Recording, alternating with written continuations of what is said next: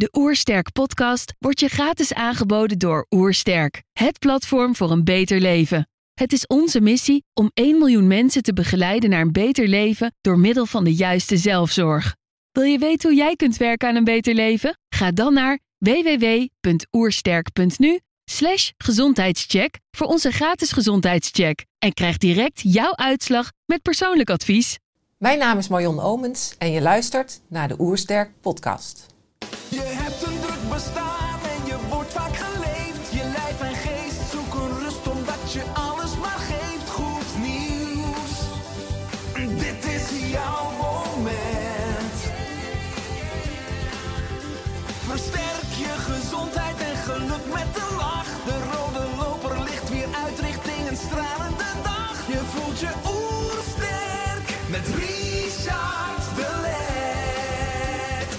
zijn hier in Heemskerk voor een podcast met Marion Omens. Marion is directeur van Stichting Emoveren. Deze stichting wil een andere visie en aanpak van lichamelijke onbegrepen klachten. Ik ben benieuwd naar haar tips voor een beter leven. Trouwens, geniet je van onze podcast? Abonneer je dan en laat een reactie of review achter. Zo help je ons om het gezondheidsvirus te verspreiden. Let's start. De Oersterk Podcast. Een ontdekkingstocht naar een beter leven. Marion, welkom. Dankjewel. Ik lees op jullie website. Gepassioneerd en zonder winstoogmerk willen wij bewustwording vergroten en kennis verspreiden over hoe medisch onvoldoende verklaarde lichamelijke klachten, solk genoemd, toch vaak verholpen kunnen worden. Wat bieden jullie? Ehm, ja, eh, wat wij bieden met Stichting Emoveren eh, is eigenlijk een breed kennisplatform. Eh, waarin met, waar mensen met klachten, eh, onbegrepen pijn, ehm, maar ook professionals die hen willen helpen, informatie kunnen vinden, vragen kunnen eh, stellen over een andere manier van kijken, waardoor er meer mogelijkheden ontstaan voor herstel. En naast dat kennisplatform willen we ook een ontmoetingsplek zijn voor eh, mensen die gelijkgestemd denken eh, en elkaar kunnen ontmoeten, bijvoorbeeld op bijeenkomsten, eh, inzichten kunnen uitwisselen en, en van elkaar kunnen leren en ervaringen kunnen uitwisselen. En met, dat, ja, met deze stichting ja, zijn wij een organisatie die, ehm, ja, die ook een, een partij kan zijn om, ehm, om dit gedachtegoed in Nederland verder uit te dragen en bekend kan maken. En ook ja, initiatieven kan ontplooien. Ja, mooi hè, dat jullie die krachtige stem hebben. Want hoeveel mensen hebben lichamelijke klachten waarvoor geen oorzaak wordt gevonden? Ja, dat zijn er heel veel, Richard. Ehm, als je kijkt naar de onderzoeken, dan, eh, dan is eigenlijk 40% van alle consulten bij een huisarts eh, gaan over onbegrepen lichamelijke klachten. En bij medisch specialisten zelfs tot 66%. We hebben in Nederland ook 2 miljoen mensen met chronisch pijn. Eh, en dat zijn eigenlijk alleen de, ja, de getallen die, eh, die onderzocht worden en die, eh, die geregistreerd worden. Eh, maar ja, en mensen die het label solk of chronische pijn krijgen. Hè, maar daarnaast zijn er ook nog andere labels die gebruikt worden. Bijvoorbeeld verlegenheidsdiagnoses noemen wij die. Als fibromyalgie of whiplash of prikkelbare darmsyndroom, migraine. Eigenlijk zijn dat meer soort van labels die een klachtenpatroon eh, beschrijven, dan dat het echt een, ja, een, een, een, eh, een echte diagnose is met een duidelijke oorzaak en een eh, plan van aanpak wat je het nou echt precies mee kan doen. En daarnaast zijn er nog natuurlijk gewoon klachten die mensen hebben. Dat zijn die mensen die eigenlijk altijd rugpijn hebben. Of heel snel last van, van hun schouders. Of knie- of heupproblemen. Die zeggen het hoort gewoon bij me. Ja, ja, ook. En er zijn natuurlijk heel veel mensen die... eh, ja, eigenlijk je kent iedereen wel iemand die, eh, die eh, ja, dit soort klachten heeft. Dus het gaat om heel veel mensen. En na dementie is dit het duurste gezondheidsprobleem in Nederland. Ja, maar laat ik gelijk even de brug maken dan naar jou. In 2009 had je een autobotsing, wat leidde tot chronische whiplashklachten. Er volgde een jarenlange zoektocht langs vele artsen en therapeuten, zowel het re- reguliere als alternatieve circuit. Wat heeft deze zoektocht jou gebracht? Ja, dat is een mooie vraag. Nou, uiteindelijk heeft deze zoektocht met deze eh, andere aanpak mij mijn leven teruggegeven. Eh, en dat ik nu ja, vrij ben van chronisch pijn. Maar daar is wel een hele zoektocht aan vooraf gegaan. Dus inderdaad heb ik, eh, in eh, augustus 2009 een kleine autobotsing gehad. En daarna ontwikkelde ik heel veel pijn in mijn nek en mijn schouders, eh, mijn hoofd, mijn rug. Maar ook allemaal tintelingen in mijn rechterarm en mijn rechterbeen. Ehm, en dat werd eigenlijk steeds erger en erger. Dus ik ben uitgevallen van werk. Eh, ik werkte toen bij multinational.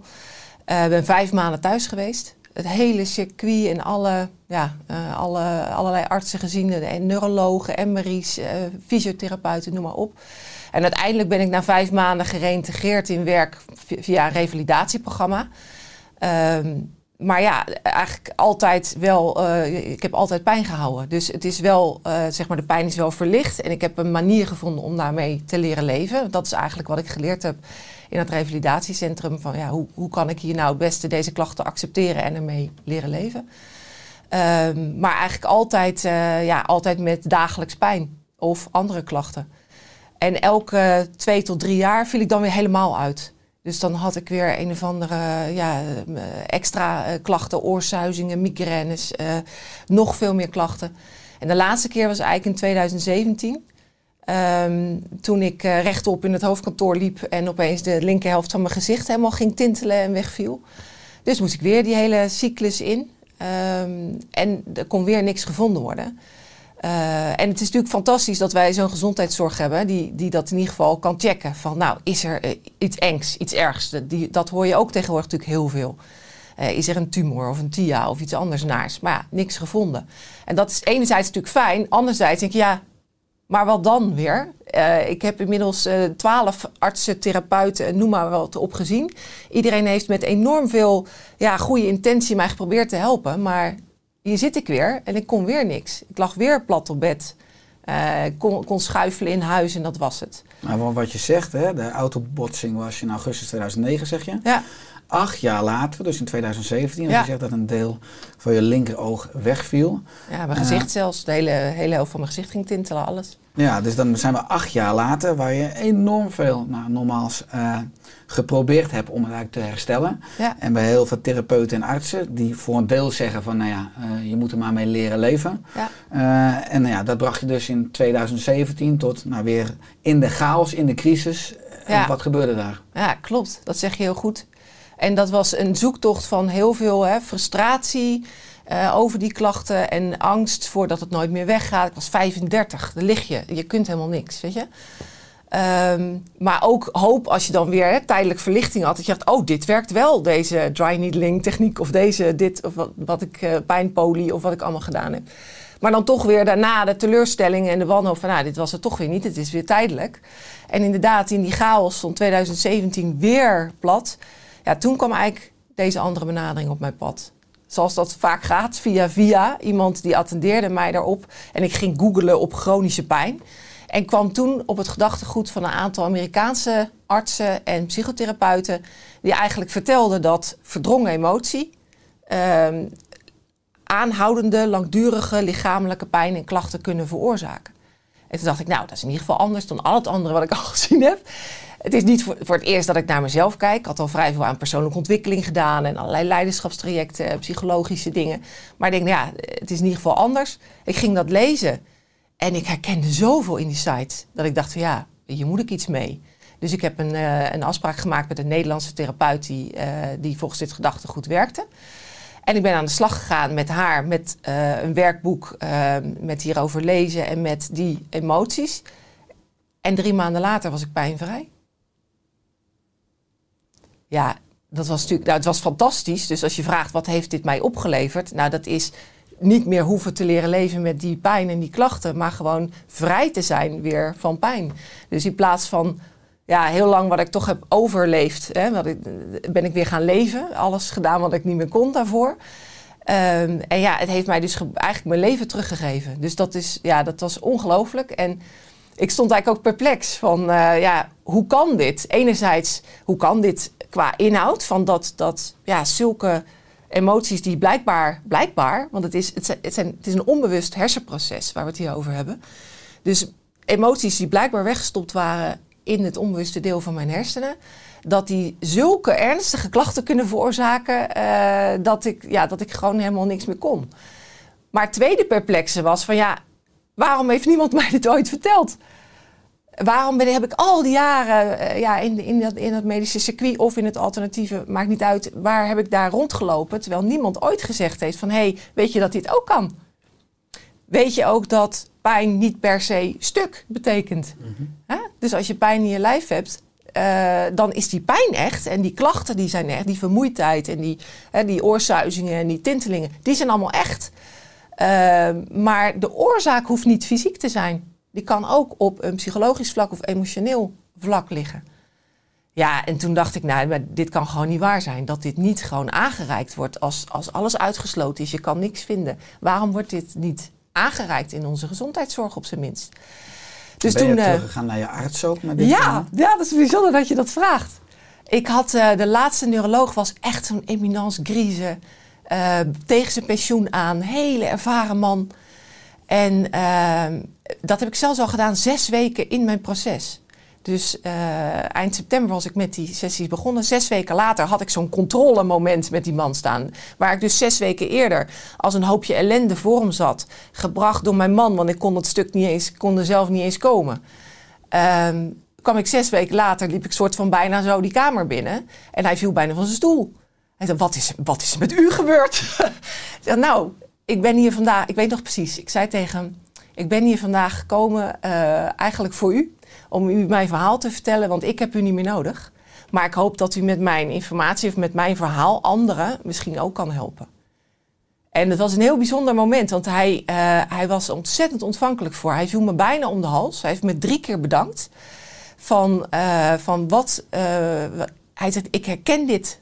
Ik zie dit zo vaak in mijn spreekkamer. En dan denk ik: Het zit in u.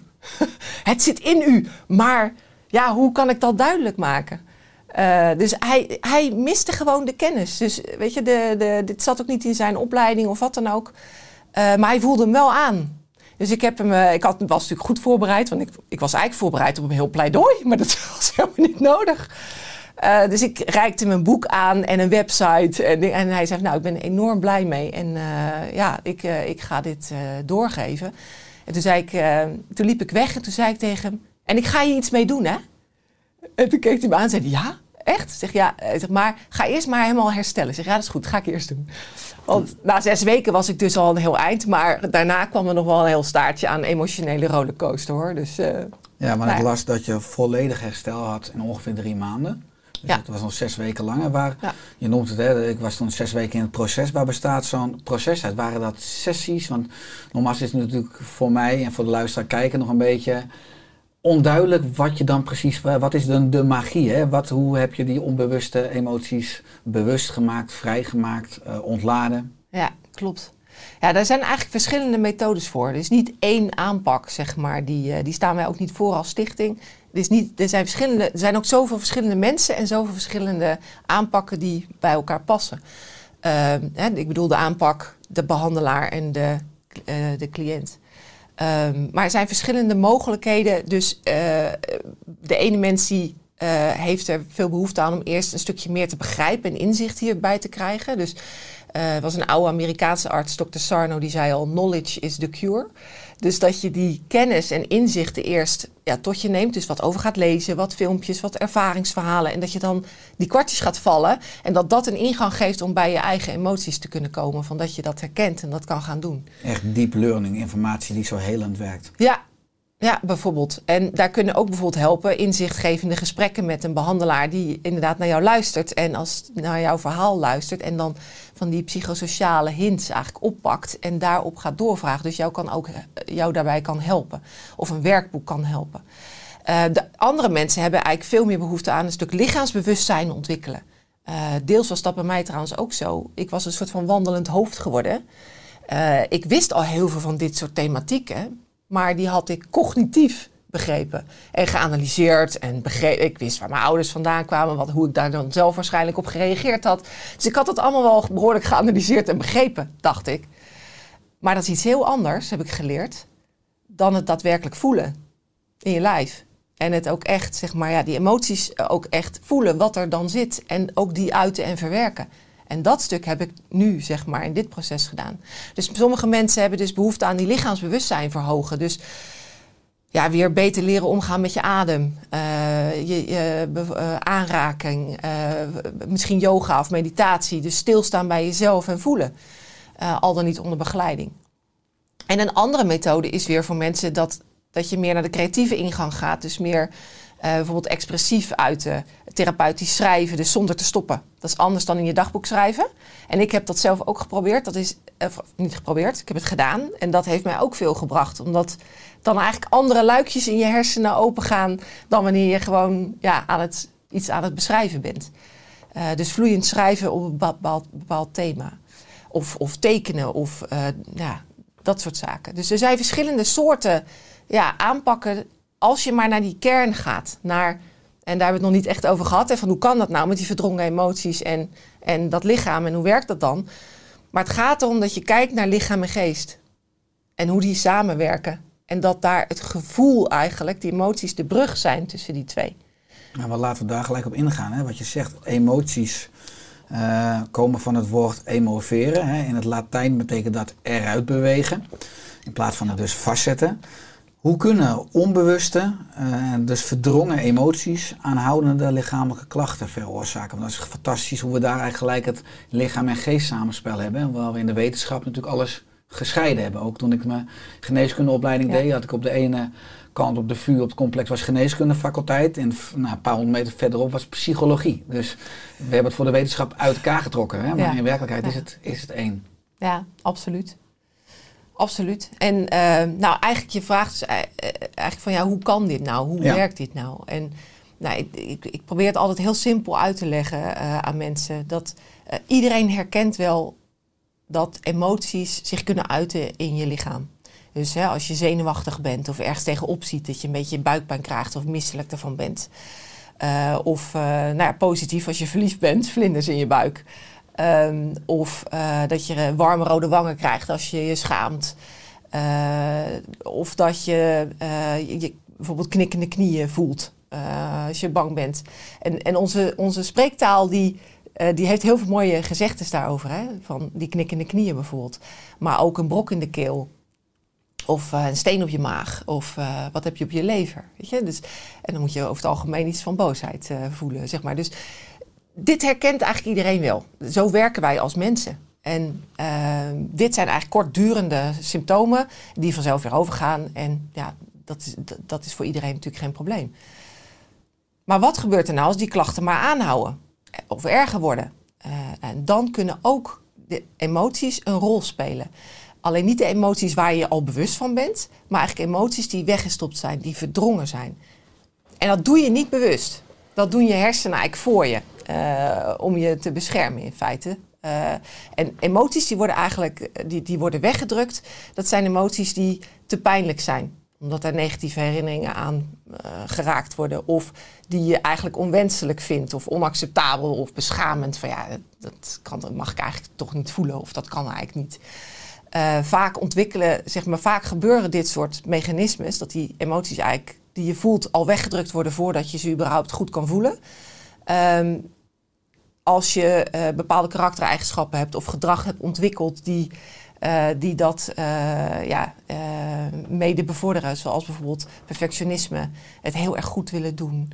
Ehm, dat, je, dat je hoge verwachtingen hebt, dat je de lat hoog legt. Of juist dat je heel aardig gevonden wil worden. Dat je veel gaat pleasen. En dat je ehm, ja, anderen wil, voor anderen wil zorgen en, en jezelf wegcijfert. Nou, dit soort dit soort karaktereigenschappen en, en proces, ja, gedrag is eigenlijk ook ontstaan. En vaak zie je dan ook dat er een lading is vanuit het verleden. Heel vaak gaan dit soort emoties zijn al jarenlang aan het opstapelen in een emmertje wat nooit verwerkt is of geleegd is. En dan die lading uit het verleden gaat heel vaak terug tot de kindertijd, waar, je, eh, waar het eigenlijk gaat om ja, wat je misschien soms gemist hebt. Of waar er emoties waren die niet, eh, emotionele behoeften waren, eigenlijk die niet vervuld werden. Eh, waardoor je op een bepaalde manier bent gaan gedragen en emoties ook hebt weggedrukt. Maar die zitten er wel. Die zijn in dat onbewuste voort gaan leven. En als je dan nu, als je ja, wat ouder wordt, eh, als er dan zeg maar dingen gebeuren in het dagelijks leven, of in je werk, of op school, of, privé, of noem maar op, dan raakt dat daaraan. En die trigger, eh, die, die raakt die emotionele pijn. En je hersenen gaan dat- eigenlijk je, ja, je beschermen door via het autonome zenuwstelsel eigenlijk pijnsignalen in je lijf te geven. Dus je krijgt eigenlijk fysieke pijn om je af te leiden van die emotionele pijn. Die je liever verborgen houdt. Ja, niet bewust hè. Want ja, je, als je het eenmaal weet en ziet hoe het werkt en je gaat leren hoe dit werkt en je gaat het voelen, ja, dan denk je ja, dan kan ik beter zeg maar dat verwerken, want daarna lost die pijn op. Kwamen soort klachten altijd al voor in de evolutie? Weet je dat? In hoeverre dat ook in de oervolkeren voorkwamen? Of die ook al leden onder? Want het boeiende Goeie is, vraag. het boeiende is als je zeg maar, het antwoord geeft wat ik snap, dat is ook een beetje alsof de evolutie zichzelf in zijn eigen voet schiet. Hè? We hebben een emotioneel beschermingsmechanisme dat ervoor zorgt dat we geen korte emotionele pijn hebben, maar op de lange termijn is eigenlijk de prijs dat we chronische fysieke pijn kunnen krijgen. Dat is natuurlijk heel apart dat de evolutie of de wijsheid of ons lichaam ook niet een systeem heeft ingebouwd om het uiteindelijk zeg weer op te lossen. Dat we, dat we zelf dus bepaalde ingangen moeten vinden proactief om het, om het zelf weer op te lossen. Maar dat de natuur dat niet zelf oplost of heelt of geneest of in balans brengt. Dat, dat vind ik altijd heel boeiend. Hoe, hoe ons limbisch systeem zeg maar, dan weer haaks kan staan op het reptielbrein en op het mensbrein. Hoe het eigenlijk drie blokjes zijn in ons brein die soms haaks op elkaar staan. Ja, het is, het is een mooie vraag. ehm, waar, ik, waar ik niet zo snel het antwoord op heb, maar waar ik wel bij denk van ja, ik denk wel dat het dat de natuur het uiteindelijk dat, dat, dat het niet aan de natuur ligt, laat ik het zo zeggen. Dat wij mensen daar prima toe in staat zijn. Dat zien we nu, hè? Want ik ben, mijn verhaal is niet uniek. Niet uniek. Er zijn duizenden, tienduizenden, weet ik hoeveel mensen die al op deze manier zijn hersteld. Eh, in Amerika en Engeland is deze benadering al veel langer eh, eh, bekend en, en wordt gebruikt. En er zijn zoveel verhalen van mensen die zo herstellen. Dus het, het kan wel. En ik denk ook dat er misschien in het verleden dat het wel dat dat meer op de een of andere wijze, of dat het ja, zelfs in andere samenlevingen dan de westerse, laat ik dat zo maar noemen, dat het daar ook misschien wel anders werkt. Want als je ziet hoe wat, de, wat zeg maar je, eh, wat, wat, wat mogelijkheden voor herstel geeft, is eigenlijk dat je weer lichaam en geest in één beziet. Dat je het holistisch beschouwt. En dat, je, dat er plek is voor voelen. En voor het gevoel, eh, voor emoties. Dat die bespreekbaar zijn, dat die er mogen zijn en dat dat oké is. Er zijn ongetwijfeld volkeren waar, die dat veel beter doen dan wij. Nu, dus het, het is, maar wij zijn zo ja, in het Westen. Er zit ook heel veel in de cultuur, hè, in, de, in de maatschappij, van eh, hoe wij zijn doorgeëvalueerd. Enerzijds is dat natuurlijk eh, een fantastische vooruitgang van wat wij allemaal bereikt hebben en wat we allemaal kunnen tegenwoordig. Anderzijds heeft dat misschien ook wel een prijs. Dat er zoveel focus ligt op cognitie, op IQ, op techniek, op eh, evidence-based, op eh, het biomedische en het, eh, nou ja, wat we allemaal kunnen oplossen als er echt iets stuk is in je lijf. Hè? Dus als er een, een breuk is of een tumor of een bacterie of iets, dat is natuurlijk fantastisch dat we dat kunnen. Alleen ergens denk ik zijn we misschien wel een beetje te ver doorgeslagen die richting op. eh, dat we zo gespecialiseerd zijn en zo doorge, ja, naar die andere kant zijn toegeslagen, dat we die, die, die hele linker, die gevoelskant bijna vergeten zijn. En dat is in onze cultuur, in onze westerse en Nederlandse maatschappij, cultuur zo, maar ook, ook in de gezondheidszorg. Jij zei net al eh, dat zelfs fysiek de gebouwen anders waren. Maar onze hele gezondheidszorg is nog steeds, ja, kijkt vooral met een biomedische bril en met een scheiding van lichaam en geest. Descartes is daar ergens in, dus, eh, met, wat is het, 16 zoveel. eh, 1644, ja. Precies is die daar, heeft hij dat ingevoerd. Maar we doen het nog steeds. Dus ook mensen met, en wat ik net al zei, die cijfers die liggen er niet om. Dat is een beetje de helft van alles wat in die spreekkamer komt bij een huisarts. Waarvan, waarvan ze aanvoelen van, hm, ja, dit is niet logisch dat daar een structurele oorzaak in zit. Weet je, bijvoorbeeld de klachten die verplaatsen zich in het lijf. Of eh, weet je, soms zijn ze weg en soms niet. Of, eh, nou ja, als er echt iets structureel aan de hand is, dan is dat niet zo. Of als ze diagnostiek hebben aangevraagd en er komt niks uit. Ja, wat, wordt, wat gebeurt er dan? Ja, je wordt eigenlijk maar doorverwezen of richting de GGZ of richting de specialisten. Ja. Maar wat, wat er moet gebeuren natuurlijk is dat je kijkt naar de mens als geheel. Ehm, ja, dat, en dat, Nee. is, dat is gewoon die, die holistische blik. Dat Ja. is echt heel belangrijk. Ja, ik ben het helemaal met je eens inderdaad. Als we pathologie, ernstige dingen uitsluiten op het fysieke niveau en we vinden niks, laten we dan eerder gaan kijken naar het mentale, het emotionele, het spirituele. Ik denk dat zeker dat we in de cultuur veel te gefragmenteerd zijn en dan is het de paradox dat we onbewust onze he- eigen heling kunnen blokkeren. We mogen weer naar de eenheid en naar het holisme. Wat je zegt, lichaam en geest is één. Eigenlijk ook dat verhaal wat je aan je neuroloog hield. Eh, op jullie site lees ik ook lichaam en geest moeten we weer als één geheel zien, waarbij gevoel en emotie als voorwaardige, oorzakelijke factor wordt herkend en erkend. Nou, je hebt je neuroloog die bijna met pensioen ging kunnen inspireren. Als je kijkt nu in de gezondheidszorg, zijn we op de goede weg? Nou, er moet nog wel veel gebeuren, Richard. Denk, ja, niet voor niks dat jij met Oersterk en wij met de stichtingen eh emoveren, dat, dat, dat we hier zoveel eh, ja, aandacht voor vragen en, eh, en ons voor inzetten. Ik denk wel dat, dat er mooie ontwikkelingen zijn afgelopen jaren. Is natuurlijk veel meer aandacht gekomen voor eh, vitaliteit, voor eh, eh, leefstijl, voor preventie, voor nou, positieve gezondheid en de eigen regie. En ook naar lichaam en geest kijken. Dat zijn mooie ontwikkelingen. Maar ja, we zijn er nog lang niet. Die zijn natuurlijk nog lang niet echt helemaal geïntegreerd in wat wij doen in de gezondheidszorg. Ja, kijk naar al die mensen met klachten, weet je. Het is, en, en er zijn mensen die je kunnen helpen. Er zijn artsen, er zijn therapeuten en, eh, en, en eh, coaches die je hiermee kunnen helpen. Alleen hoe vind je die?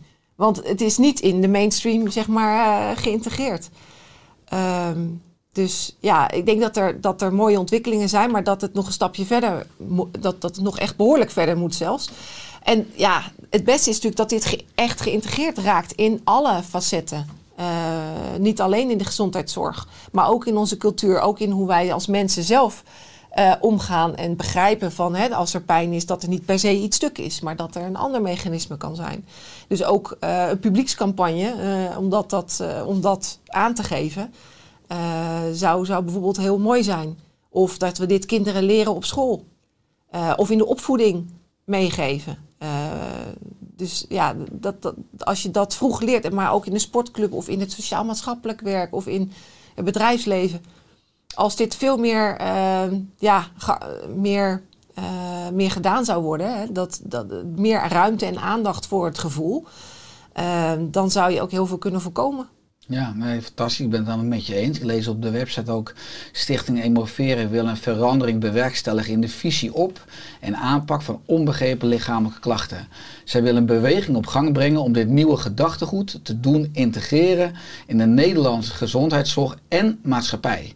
Nou, je hebt het over die fantastische terreinen die eigenlijk nog braak liggen. Opvoeding, eh, maar ook het onderwijs en de gezondheidszorg. Eh, je geeft al aan dat jullie ook een, eh, een platform zijn waar nou, mensen elkaar kunnen ontmoeten. Hopelijk komt er straks ook een sectie voor huisartsen en voor medisch specialisten, aangezien het zoveel voorkomt. Maar welke initiatieven ontwikkelen jullie? Wat is misschien ook het doel voor 2021, 2022? Ja.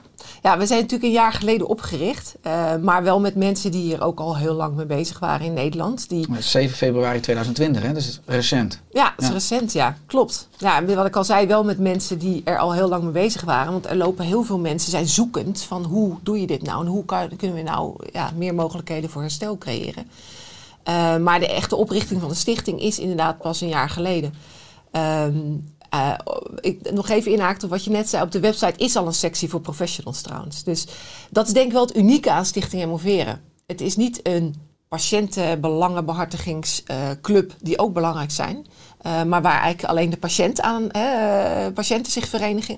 Of een beroepsvereniging waar je de professionals hebt die andere dingen willen of doen. Ehm, maar juist, wij zijn juist die combinatie van die twee. En ik denk dat dat heel uniek is. Dus ehm, er zijn nu zo'n zo'n 300 vrienden van Stichting Emoveren. Wat eigenlijk niet anders betekent dat ze het gedachtegoed zoals ja, wat wij voorstaan ondersteunen. Eh, dat is kosteloos ehm, en zonder verplichtingen. Maar wel heel belangrijk om dat gedachtegoed eh, ja, verder te kunnen verspreiden en sneller te kunnen verspreiden in de maatschappij. Ehm, en eh, ja, om zichtbaar te maken hoezeer dit gedachtegoed al gedragen wordt.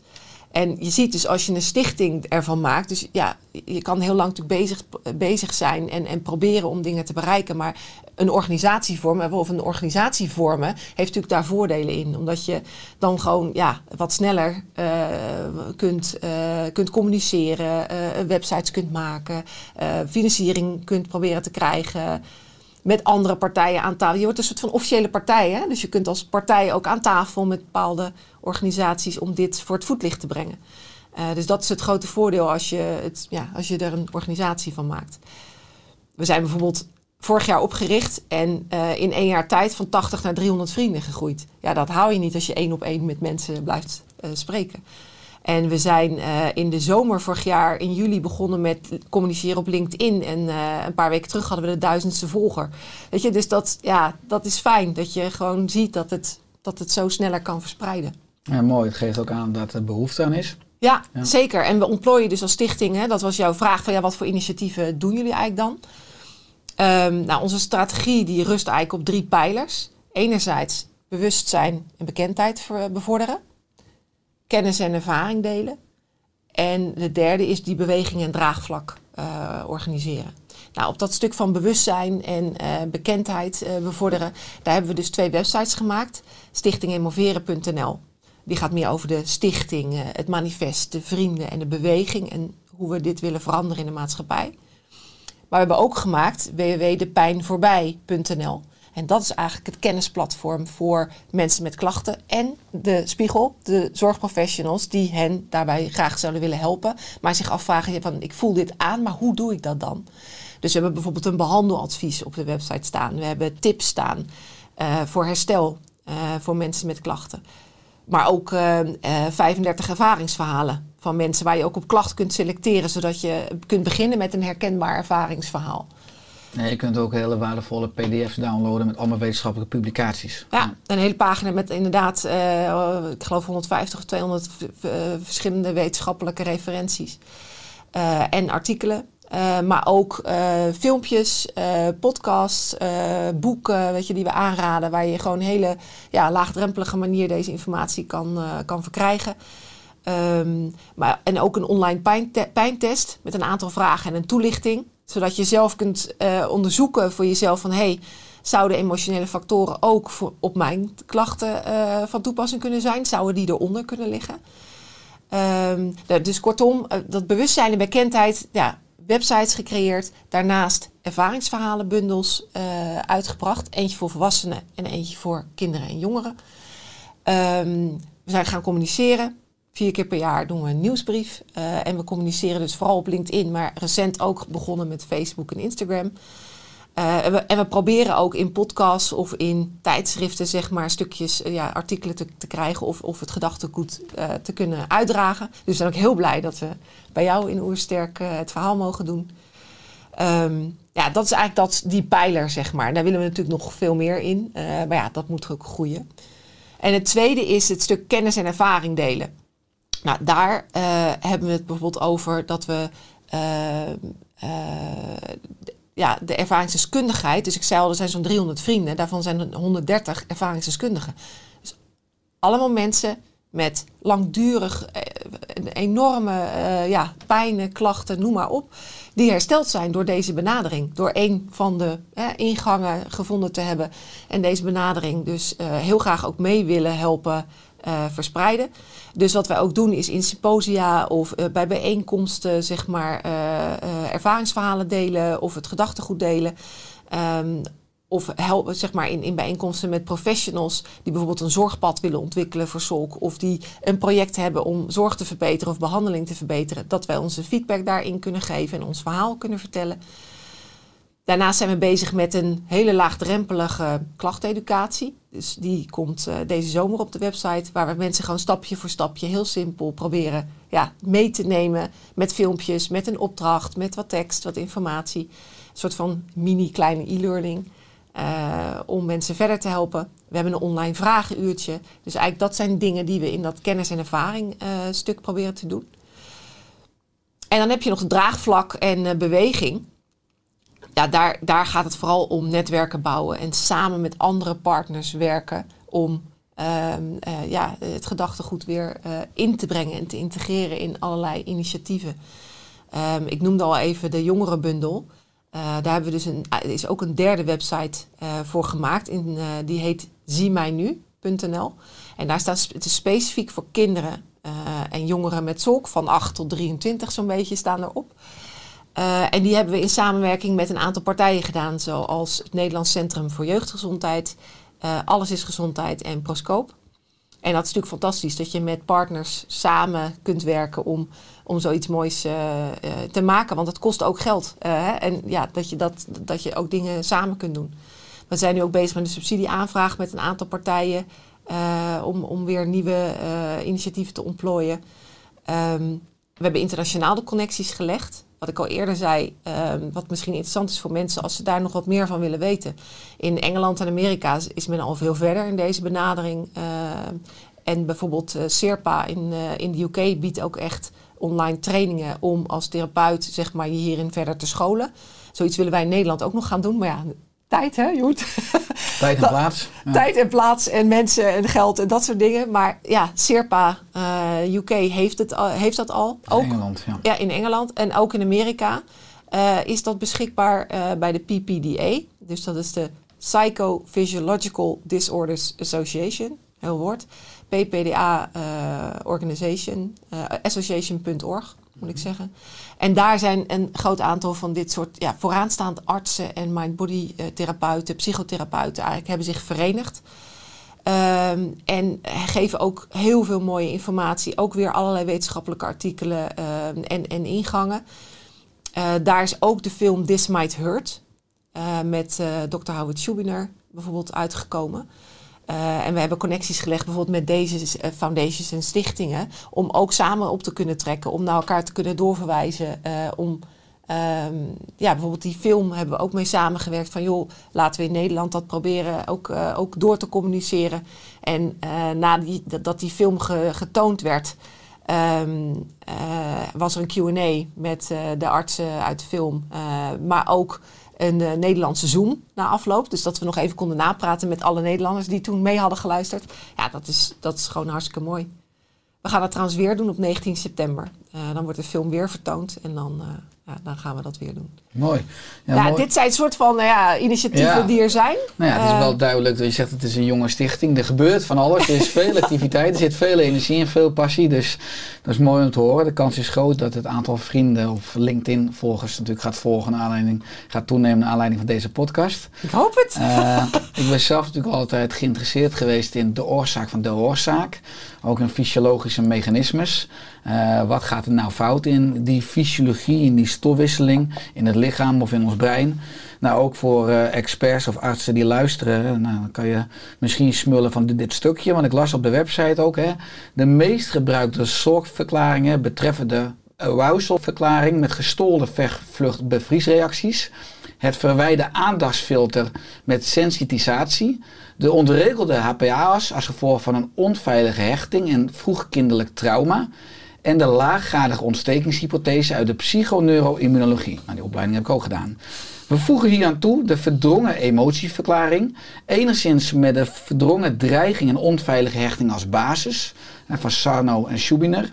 En anderzijds de verdrongen emotie met wortels in het negatieve zelfbeeld en met een limbische dysfunctie als gevolg. Nou, dat is van Klaver. Nou, ook als mensen nu luisteren, sommige mensen denken, ja Richard, nu haak ik af. Het gaat me veel, wordt veel te specialistisch, dat snap ik. Maar als mensen nu luisteren en die denken, ja, ik heb ook zorgklachten, of ik ken mensen om me met, eh, met zorgklachten. Wat kunnen mensen concreet doen als ze luisteren en last hebben, of iemand kennen die last hebben van zorgklachten? Ja, mooie vraag, dankjewel. Uh, ik, ik denk inderdaad, ja, er zijn, er zijn inderdaad vele verklaringen. En er zijn veel mensen bezig om een verklaring uh, te vinden voor dit veel voorkomende probleem. Maar wat je ook zegt, als patiënt of als mens met klachten, uh, heb je er inderdaad vooral baat bij uiteindelijk om te begrijpen van ja, wat, wat kan ik dan nu concreet doen en wat, wat zijn die handvatten? Wat mijzelf heel erg geholpen heeft, uh, is dat ik geleerd heb van zeg maar, deze benadering, om dus, dat je dus weet zeg maar, dat lichaam en geest samenwerken. En dat pijn niet per se stuk is. Dus op het moment dat jouw pijn of jouw klachten opkomen, of als ze er altijd zijn, als ze verergeren, dat je dan jezelf gerust kunt stellen.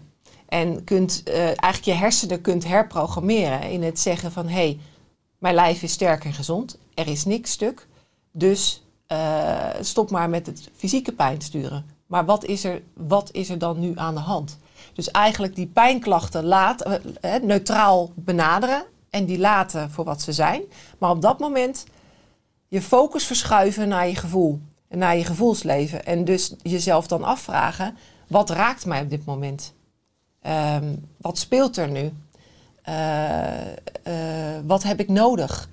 Uh, dus, dus dat je, als je, en als je dat gaat doen, dan zal je merken dat je dus steeds vaker, want dat je steeds vaker gaat voelen van hé, hey, dat je steeds vaker je emotie gaat voelen in je lijf. Dat je denkt van, uh, ik voel eigenlijk nu, ik voel me eigenlijk verdrietig. Of ik voel me, weet je, dus dat je ruimte gaat geven aan die gevoelens en aan die emoties. En dat geeft eigenlijk tips of clues, zeg maar, van waar je naar moet gaan zoeken.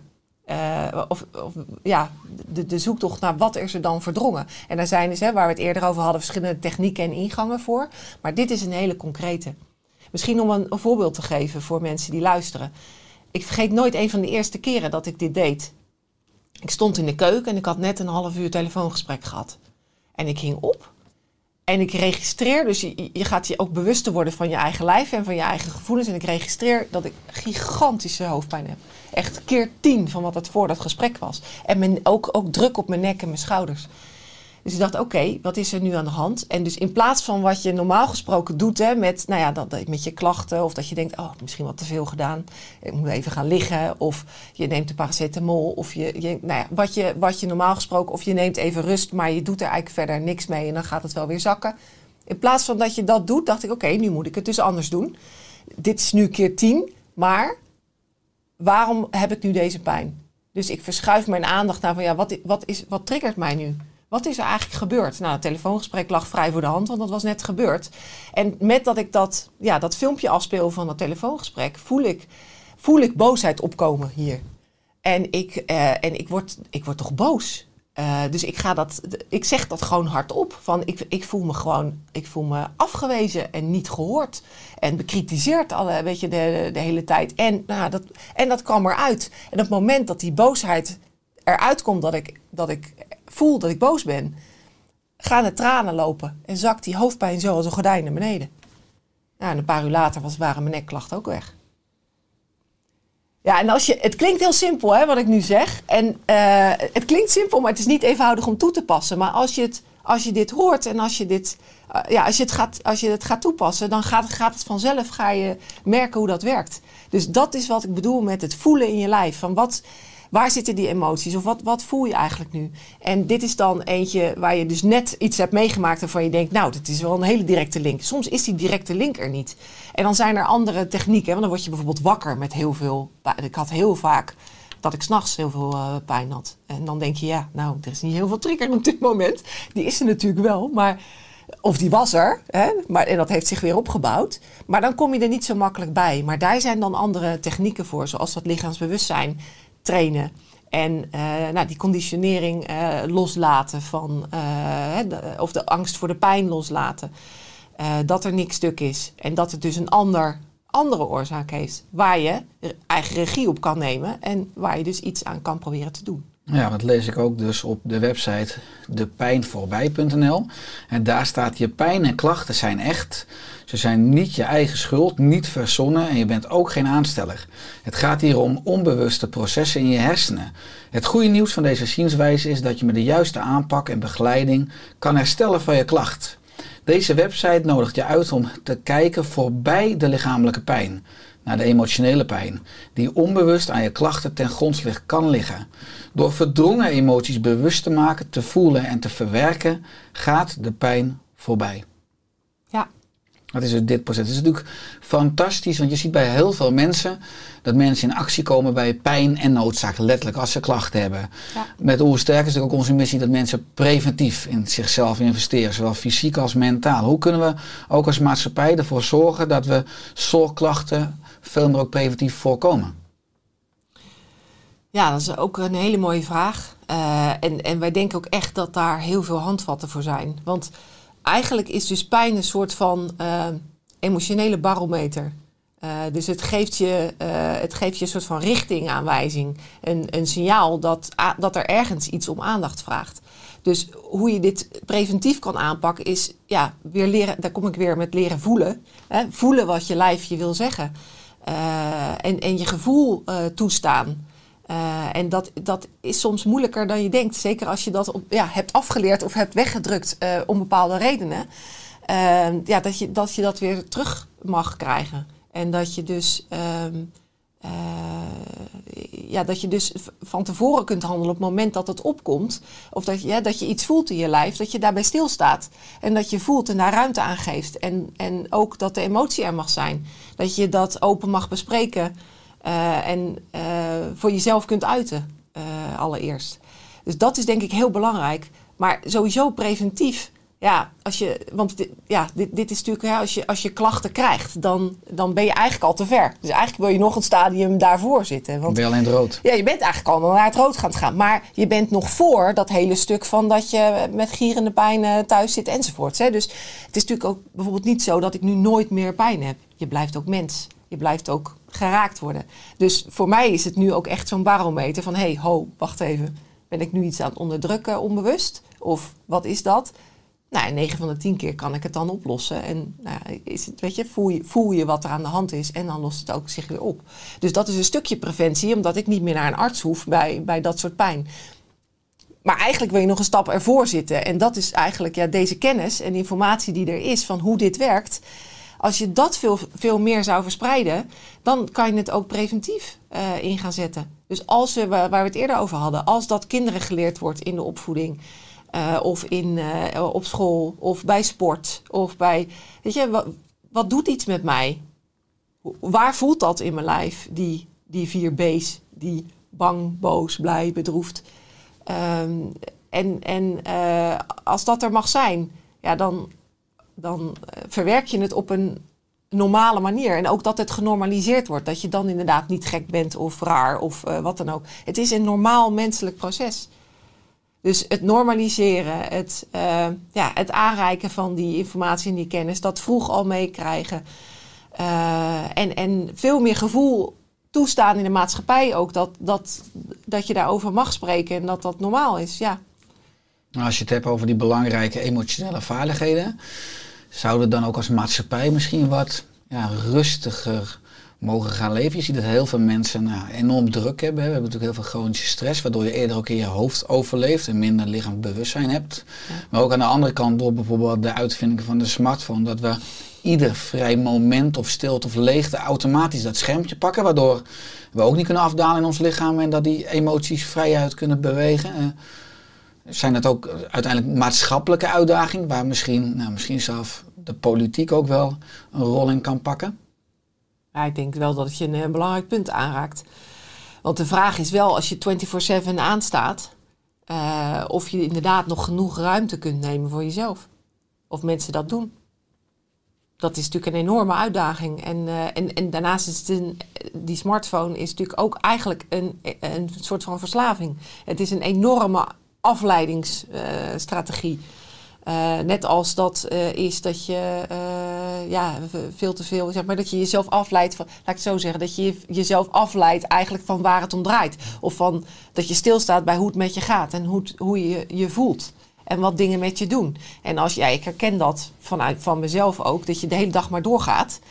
Eh, misschien neem je wel pauze, maar dan ben je inderdaad of eh, was je met je telefoon, of je bent met collega's aan het praten, of je bent iets anders aan het doen. Maar je gaat maar door en s'avonds heb je gillende pijn eh, aan alle kanten. Omdat je ook dingen gewoon niet hebt verwerkt, niet bent stilgestaan. Je hebt niet ja, ontdekt wat iets met je doet. En zo'n zo'n smartphone is natuurlijk een enorme afleider. Maar het kan ook best moeilijk zijn, want ja, weet je, soms je hebt dingen niet voor niks verdrongen. Dus het is ook Het iets wat heel sterk is. Mhm. Het heeft ook een voordeel. En het, eh, eh, ja, het, is ook best, eh, het, het is ook best een uitdaging om daar dan wel naartoe te gaan. Ik kan alleen uit eigen ervaring en uit wat ik van iedereen hoor en lees en gezien heb tot nu toe, in de nou, drie jaar dat ik hier nu mee bezig ben, is met dit gedachtegoed, zeg maar, is dat als je, het, als je het eenmaal doet, als je over die angst heen gaat van, ja, maar wat ga ik dan allemaal voelen en wat komt er dan, dat het ja, dat je als volwassene dat dat een heel andere eh, plek heeft dan als kind bijvoorbeeld. Wat bijvoorbeeld als kind te groot was, kan je als volwassene aan. En dan is het alsnog wel, hè, iets om, om doorheen te gaan. Maar dan daarna, ja, kreeg ik mijn leven terug. Ja, mooi. Kan niet Komen, anders zeggen. komen evenveel voor bij mannen als vrouwen? Eh, ik heb eh, niet eh, exacte cijfers daarover, maar het, het komt bij beide voor, ja, absoluut. Misschien bij vrouwen, ik geloof als je het helemaal gaat uittellen, bij vrouwen iets meer dan bij mannen, maar het is niet een mega groot verschil. En het ligt er ook wel aan hoe, hoe dingen genoemd worden. Wat ik wel, wel eens vaak heb gehoord, dat hè, het, het woord zolk, somatisch onvoldoende verklaarde lichamelijke klachten, dat dat misschien vaker bij vrouwen gegeven wordt. Maar ik heb je al verteld van ja, dat is ook maar een label. Ik heb twintig jaar klachten gehad. Ik heb je verteld over die acht jaar. Maar ik had nog allerlei andere dingen daarvoor al, die ik nu kan verklaren achteraf gezien. Ehm, maar ik had nog nooit van het woord volk gehoord. En dat is natuurlijk omdat ja, bijvoorbeeld klachten bij mannen misschien eerder eh, gewoon eh, lage rugpijn genoemd worden. Eh, of andersoortige, hè, of, of een, of een knieprobleem, of een, een tenniselleboog, of een golfarm, of een noem maar op, schouderproblemen of hoofdpijnen, wat je wil. wat je wil. Maar ja, wat ik je zeg, als ik nu terugkijk, dan zie ik, oké, vanaf begin dat ik 20, 20, 1, 2, 23 was, begon ik allerlei klachten te krijgen die maar bleven. Ik heb ook RSI gehad. En vier jaar lang hoofdpijn na een hersenschudding die heel licht was. Ja, dat, dat is natuurlijk nu achteraf, denk ik. Oh ja, die tijd ging mijn relatie uit. Niet zo heel vreemd als ik nu achteraf ga terugkijken wat daar eventueel onder gespeeld heeft. Nou ja, weet je, dus je kunt gewoon ehm, eh, ja, ook nog nooit van het woord geho- gehoord hebben. Dus daarom spreken wij eigenlijk, ja, of we gebruiken allerlei eh, dingen om mensen ja, daarvan bewust te maken. Of eh, allerlei terminologieën. Of je zegt gewoon, ja, het gaat gewoon om, om aanhoudende lichamelijke klachten en pijn. Ja, die niet Ja. biomedisch verklaard worden. Ja, het mooie is wel dat je dus letterlijk herboren bent. En eh, als ik kijk naar jouw levensweg, hè, je had hiervoor 20 jaar internationale ervaring in het bedrijfsleven, in diverse managersfuncties. Hoe kun je deze ervaring nu als directeur van de stichting inzetten?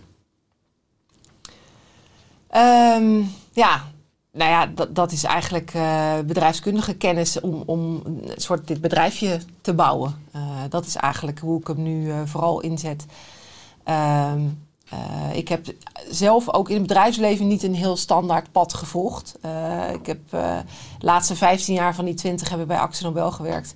En waar ik eigenlijk altijd rollen heb gehad die ja, een soort van global program manager of projectmanagement of eigenlijk waar ik over het algemeen van dingen die er niet waren, maar die er moesten komen, iets maakte. Dus, en dat heb ik in de, zowel in commerciële eh, functies gedaan, in marketing, in, in eh, verkoop, als in logistiek, als in eh, human resources of leiderschap. Dus op allerlei verschillende soorten vlakken. Dus dit heeft een ander onderwerp, maar voor mij is dit eigenlijk, ja, Het vormloze vormgeven. zit in mijn bloed wel dit. Ja. ja. ja, het was eigenlijk altijd iets waarvan we zeiden, van, ja, dit is de visie, dit is de richting, dit willen we doen. Eh, kun je het eh, gaan vormgeven. En dan de juiste mensen bij elkaar verzamelen, die enthousiasmeren voor hè, waar gaan we heen, wat is het doel. En dan samen gaan bouwen.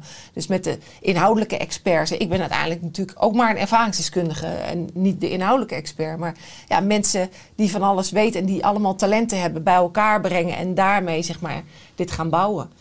En dan heb je het natuurlijk over ja, het organisatiestukje van eh professionele organisatie met een beleidsplan, een missie en een visie, een begroting, eh, zodat je financiering kunt gaan proberen te krijgen, wat niet zo makkelijk is trouwens. Ehm, eh, mensen die zich willen inzetten voor de stichting, een stukje communicatie, ja, dat eigenlijk vooral denk ik. Ja, je noemde net een aantal websites, hè, waaronder de derde siemijnu.nl, voor jongeren met solk aan het woord. Ja. Komt solk bij kinderen en jongeren vaak of misschien steeds vaker voor? Ja, het lijkt van wel, hè? Als je dat zo eh, eh, ziet over de jaren heen. Eh, ik heb er geen exacte cijfers van, maar ik heb wel recent jouw podcast met dokter Judith Kok, de kinderarts, beluisterd. Die eigenlijk zelf aangaf van ja, vijf jaar geleden was het nog één op de vijf kinderen. En nu is het al één op de vier kinderen. En eh, ja, als je, als je kijkt naar wat er in de media naar buiten komt en de berichtgeving daarover. En natuurlijk ook het, afgelopen jaar hè, rondom alle beperkingen en de maatregelen rondom corona. Wat het voor druk heeft opgeleverd of voor beperkingen wat kinderen niet meer konden en mochten. eh, wij natuurlijk allemaal, maar ook zij in die kwetsbare leeftijd waar je zo afhankelijk bent eh, van school en van je, je leeftijdgenoten en wie ben ik aan het uitvinden bent. Ja, dat is niet verbazingwekkend, denk ik, dat dan dit soort dingen kunnen ontstaan. Ja, ook om dat misschien in de toekomst te voorkomen, weer preventief, zou het wijs zijn als er bijvoorbeeld een minister emoties en vitaliteit zou komen? Nou, een minister, eh, weet ik niet, moet ik heel eerlijk zeggen. Nou, het punt, ik zal, ik zal het aanvullen, omdat we, het zijn miljoenen mensen die nou ja, stolklachten hebben, maar nog veel meer mensen die zeggen die lage rugpijn of RSI en die gewoon zeggen, ja dat hoort bij mij. Normaal ze zijn ruim 10 miljoen chronisch zieken. En het is chronisch omdat het niet per se fysiek oplosbaar is en er vaak ook een iets eh, emotioneels, mentaals of spiritueel onder ligt. Ja. Eh, en ik denk dat we nu nog steeds vanuit de gezondheidszorg het veel te op het niveau van het vlees en bloed fysiek eigenlijk aanvliegen. En daarom ook eigenlijk niet succesvol zijn. Dus het zou natuurlijk mooi zijn als alle structuren, als we letterlijk het hele web van het leven, dat is misschien een beetje dan mijn verlangen, en al die domeinen met elkaar gaan verbinden. En Ja. geef die ministerpost dan een naam, maar ook afgelopen jaar met een wereldwijde vitaliteitscrisis. Ik bedoel, Ja. de natuur schreeuwt. Alleen het is net alsof wij het niet wil- willen horen, dat alles verbonden is. Niet alleen maar in de wereld, maar ook eh, in ons lichaam. Ja, dat zeg je mooi. Ik, be- ik begrijp ook wat je bedoelt. Ehm, ik denk alleen als je zeg maar een minister eh, verantwoordelijk hiervoor gaat maken, eh, weet, ik, weet ik niet of dat dan precies de oplossing is. Omdat je dan eh, het weer een soort van een, eh, in een hokje gaat stoppen of zegt van hè, dat is de verantwoordelijkheid van die. En die moet dat dan top-down maar gaan regelen. En de vraag is of dat dan werkt. Ik denk het nog niet. Je kan niet van bovenaf opleiden. Het moet intrinsiek in de harten van mensen moet geboren worden. exact. Het Ja. is van ons allemaal. Het is de maatschappijcultuur waar we het eerder over hadden, die, die moet veranderen. En de manier, de, de biomedische bril, die nu nog steeds dominant is. Gelukkig komen er steeds meer hè, initiatieven en ontwikkelingen die we hadden, die breder gaan kijken. Maar ja, die, het is nog steeds natuurlijk het dominante model. Dus eh, ja, je zou de gezondheidszorg ook anders moeten organiseren en die bril eh, veel breder maken. En lichaam, geest en gevoel die, en het voelen die plek geven. Dus ehm, ja, het, het is van ons allemaal. Het moet eigenlijk integreren overal in plaats van dat iemand dat zeg maar gaat proberen te doen. Maar ja, als je zegt van ja, moet de overheid of de politiek eh, hier meer aan doen? Ja, ik denk dat dat, dat wel eh, belangrijk zou zijn om, eh, ja, bijvoorbeeld als je het hebt over de gezondheidszorg, hè, daar, daar kan je natuurlijk wel iets aan doen. En ook als je het hebt over systemen hè, en regels en protocollen. En, want kijk, als je zegt het is belangrijk dat er meer aandacht komt voor dat deze dat dit gedachtegoed aangereikt wordt aan mensen. eh, als ze met klachten of pijn bij eh, dokters komen. eh, en, bij therapeuten. En niet alleen bij huisartsen of medisch specialisten. Maar ook bij de fysio, de psycholoog, de, nou ja, de, de, de andere behandelaars waar mensen komen. Ehm, dat dit aangereikt wordt, dat vraagt natuurlijk wel wat van ons. Eigenlijk is dit, dit is eigenlijk ook een paradigma shift waar we in zitten. Maar die nog veel verder doorgevoerd zou mogen worden. Dus dat vraagt enerzijds van eh, een patiënt of van een mens met klachten dat hij ook meer open gaat staan voor dat er meer is dan hè, dat pijn niet per se stuk is of dat er meer is. En zo'n publiekscampagne zou daarbij kunnen helpen. Nou, daar zou je wel bij een ministerie aandacht voor kunnen ke- hebben. Hè, van hé, hey, we moeten die bredere blik moeten we gewoon meer aandacht geven. Ehm, of je zegt, eh, en, en ja, die patiënt moet daar dus ook wat meer voor openstaan. Maar die moet ook eigen regie willen nemen. Hè? Het, het slikken van een pil of een eh, doe maar een ingreep of iets, ja, dat is natuurlijk makkelijker. Quick fix. Ja, een quick fix. Alleen de vraag is of dat een fix is. En de, vraag is of hij niet tijdelijk is. Ehm, en eh, ja, wat ik zelf heb gemerkt is van hè, als ik nu twintig jaar terugkijk en ik denk nu achteraf, wow, maar die lange hoofdpijn. Maar die jaar knieproblemen na een ski-overbelasting. Nou, sorry, dat was natuurlijk helemaal niet. Had er helemaal niks mee te maken. Maar dat weet ik dan nu. Eh, dus hè, dan denk je van, nou ja, het herstelt zich wel. Of de quick fix helpt op de een of andere... Hè, iets wat je ervoor gekregen hebt, helpt misschien. De vraag is of dat zo is. Want elke keer krijg ik weer een of andere, andere klacht. Of dezelfde terug. Of een andere. eh, substitutieklachten noemen we dat. Dus ja, dat vraagt dus kortom ook iets van ons als mens ons allemaal, die eigen regie nemen en de eigen verantwoordelijkheid van eh, wat kan ik zelf doen, of wat, wat wil ik daaraan doen en daar ook voor openstaan. Maar ook moet je die kennis wel aangereikt krijgen, want je, ja, en dat is natuurlijk ook heel belangrijk. Het vraagt ook iets van die professional, van die arts of die therapeut, dat hij ook meer naar zijn eigen gevoel mag afdalen. Eh, en want je- ik denk ook dat je mensen zover kunt helpen als je zelf bent. Dus als je zelf eh, vrij hè, alleen maar cognitief bezig bent en helemaal afgesneden bent van je gevoel, ja, hoe ga je dan je patiënt helpen daarbij te komen? Dat is natuurlijk heel moeilijk. Dus het vraagt ook van ja, meer bewustzijn, li- lichaamsbewustzijn en emotioneel bewustzijn van eh, ja, onze zorgprofessionals. Die, ehm, eh, die dan ja, mensen daar meer bij zouden kunnen gaan begeleiden. Eh, en ook ja, misschien wel een, ja, een, een andere grondhouding. Ehm, dus minder. Laatst eh, hoorde ik eh, eh, dokter Jurrie aanspreken, die zei dat heel mooi. Die zei eigenlijk van, hè, wij, willen als artsen ook zo graag helpen. En dat is ook fantastisch natuurlijk. Van iemand komt met een probleem. De Misschien herken jij dat wel. Ja. De, de, de fixers, de oplossers, het, hoe noemen ze dat nou? Het handelingsperspectief. Het is fantastisch. Iemand komt met een probleem en jij wil dat fixen. En het is met alle goede, het is niet bedoeld als kritiek dit, hè? We voelen onszelf ongemakkelijk als we het niet kunnen oplossen. Ja. Ja, ik bedoel het niet als kritiek, hè? nee, maar dat Ik- is zeker herkenbaar. Ja. ja, het is als, zeg maar, ik, ik herken het ook, ik snap het ook. Dat je iemand met, komt met een probleem en je wil helpen. Je wilt, heel veel mensen hebben een ontzettend groot hart in de zorg. Ja, ze, ze zijn er misschien wel ingegaan omdat ze graag ook willen helpen en zorgen. Wat natuurlijk fantastisch is. De vraag is alleen of zeg maar, het advies geven of het oplossen altijd de oplossing is. En hij zei dat, Juriaan zei dat is heel mooi. Die zei van ja, eh, mag het er ook zijn dat er geen oplossing is. En dat je het gewoon teruglegt bij die mens. Wel met, hè, met, met, eh, met compassie, met empathie. Eh, niet van je successen mee leren, maar mee leven. Die juist niet. Maar met van weet dat, het ook, dat er ook andere mogelijkheden zijn misschien om te herstellen. En andere oorzaken waar je misschien wel iets mee kan doen. Ik, hè, wij kunnen het niet helpen, verhelpen op de, eh, op de eh, reguliere manier. Maar dit, vraagt dus ook om ja, een beetje buiten de systemen om te gaan. Buiten alle protocollen en regels waar ze ook aan vastzitten. En ja, als je dan weer over de ministeries hebt, dan denk ik ja, eh, wat we daar allemaal doen. Aan protocollen, aan regels, aan hokjes, aan etiketten, aan plakken van eh, deze persoon heeft dit en anders dan. Eh, weet je, eh, deze, deze therapie staat in de zorgstandaard, dus die moet werken en die moeten we dus doen. Ook als die misschien ja, niet effectief is. Ja. niet effectief is of vooral leert of deels effectief is. Want het leren leven met gevolgen geeft wel degelijk pijnverlichting. Hè? Als jij leert om neutraal met een pijn om te gaan in plaats van een angstige eh, houding waardoor je heel veel gaat vermijden, geeft dat ook verlichting. Dus het is niet verkeerd. Alleen ja, het, als je dit eraan toevoegt, kan je nog zoveel meer bereiken. Maar Dan ja. kan je dus echt pijnvrij worden. eh, hè, of dan zijn, en het lukt ook niet altijd. Weet je, dat is ook, ja, vind ik ook belangrijk om wel te zeggen dat dit niet een soort van de heilige graal is. Van eh, dit werkt altijd en overal. Dit is het wondermiddel. Dus doe dit allen. Dat is ook niet zo. Weet je, soms lukt het niet. Of ja, en dat, dat, is dan, dat is dan ook zo. Moet je verder zoeken. Ja. En dan zoek je verder. Maar ik denk wel dat het op dit moment, deze benadering, zo onderbelicht is. En nauwelijks wordt aangeboden eh, dat ja, dat, dat echt wel zou mogen veranderen. Eh, en als je het dan weer hebt over zo'n ministerie en over vergoedingen in de zorg.